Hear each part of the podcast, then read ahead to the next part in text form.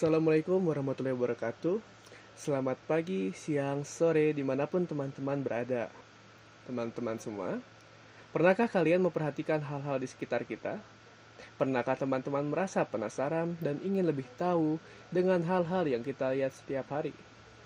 Tentu rasa penasaran pasti akan selalu datang Maka dari itu, mari kita mengenali geografi untuk memuaskan rasa penasaran teman-teman semuanya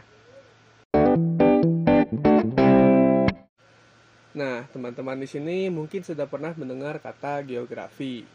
Tapi, apa sih geografi itu? Nah, secara bahasa, geografi berasal dari dua kata bahasa Yunani, yaitu geos dan grafien.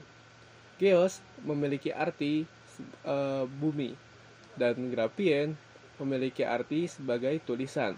Jadi, secara bahasa, geografi berarti tulisan tentang bumi.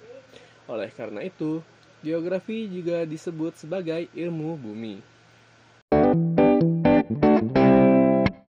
Nah, setelah kita mengetahui geografi secara bahasa, tapi secara umum geografi itu apa sih?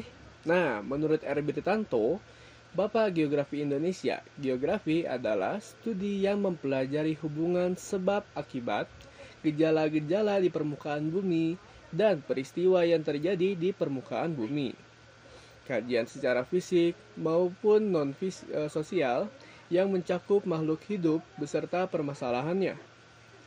Kajian dilakukan melalui pendekatan keruangan, ekologi, regional untuk kepentingan proses dan keberhasilan program. Nah, mungkin teman-teman masih bingung, kita sebut lagi salah satu uh, geografi menurut para ahli, yaitu menurut Vince C. Menurut beliau, geografi adalah studi yang menjelaskan, menerangkan suatu daerah di permukaan bumi disertai dengan analisisnya.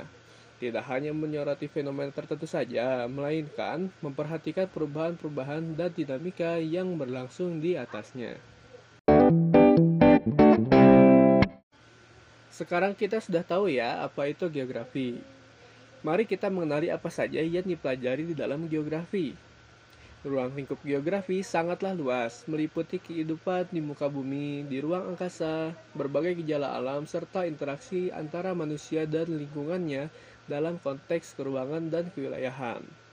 Pengetahuan mengenai gejala alam dan kehidupan di muka bumi disebut dengan gejala geosfer.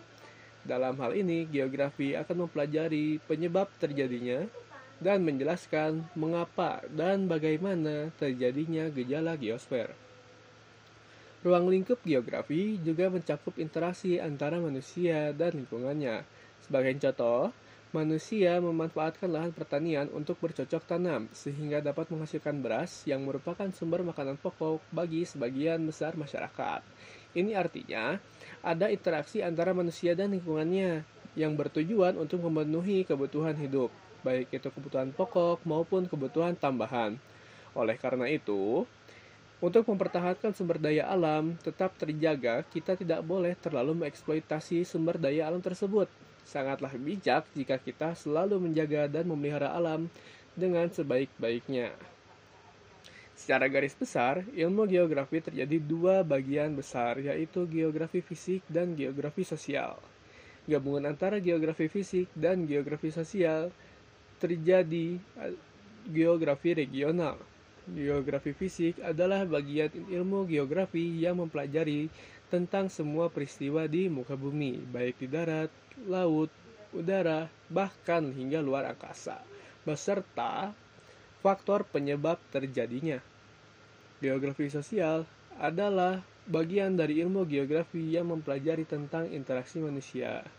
Sedangkan geografi regional yang merupakan bagian dari uh, merupakan gabungan dari keduanya adalah ilmu yang mempelajari tentang perwilayahan di negara-negara yang ada. Nah, pada kesempatan kali ini mari kita kecukupkan terlebih dahulu. Pada kesempatan lain, kita akan mempelajari keempat objek studi geografi. Maka dari itu, Bapak mohon pamit. Wassalamualaikum warahmatullahi wabarakatuh.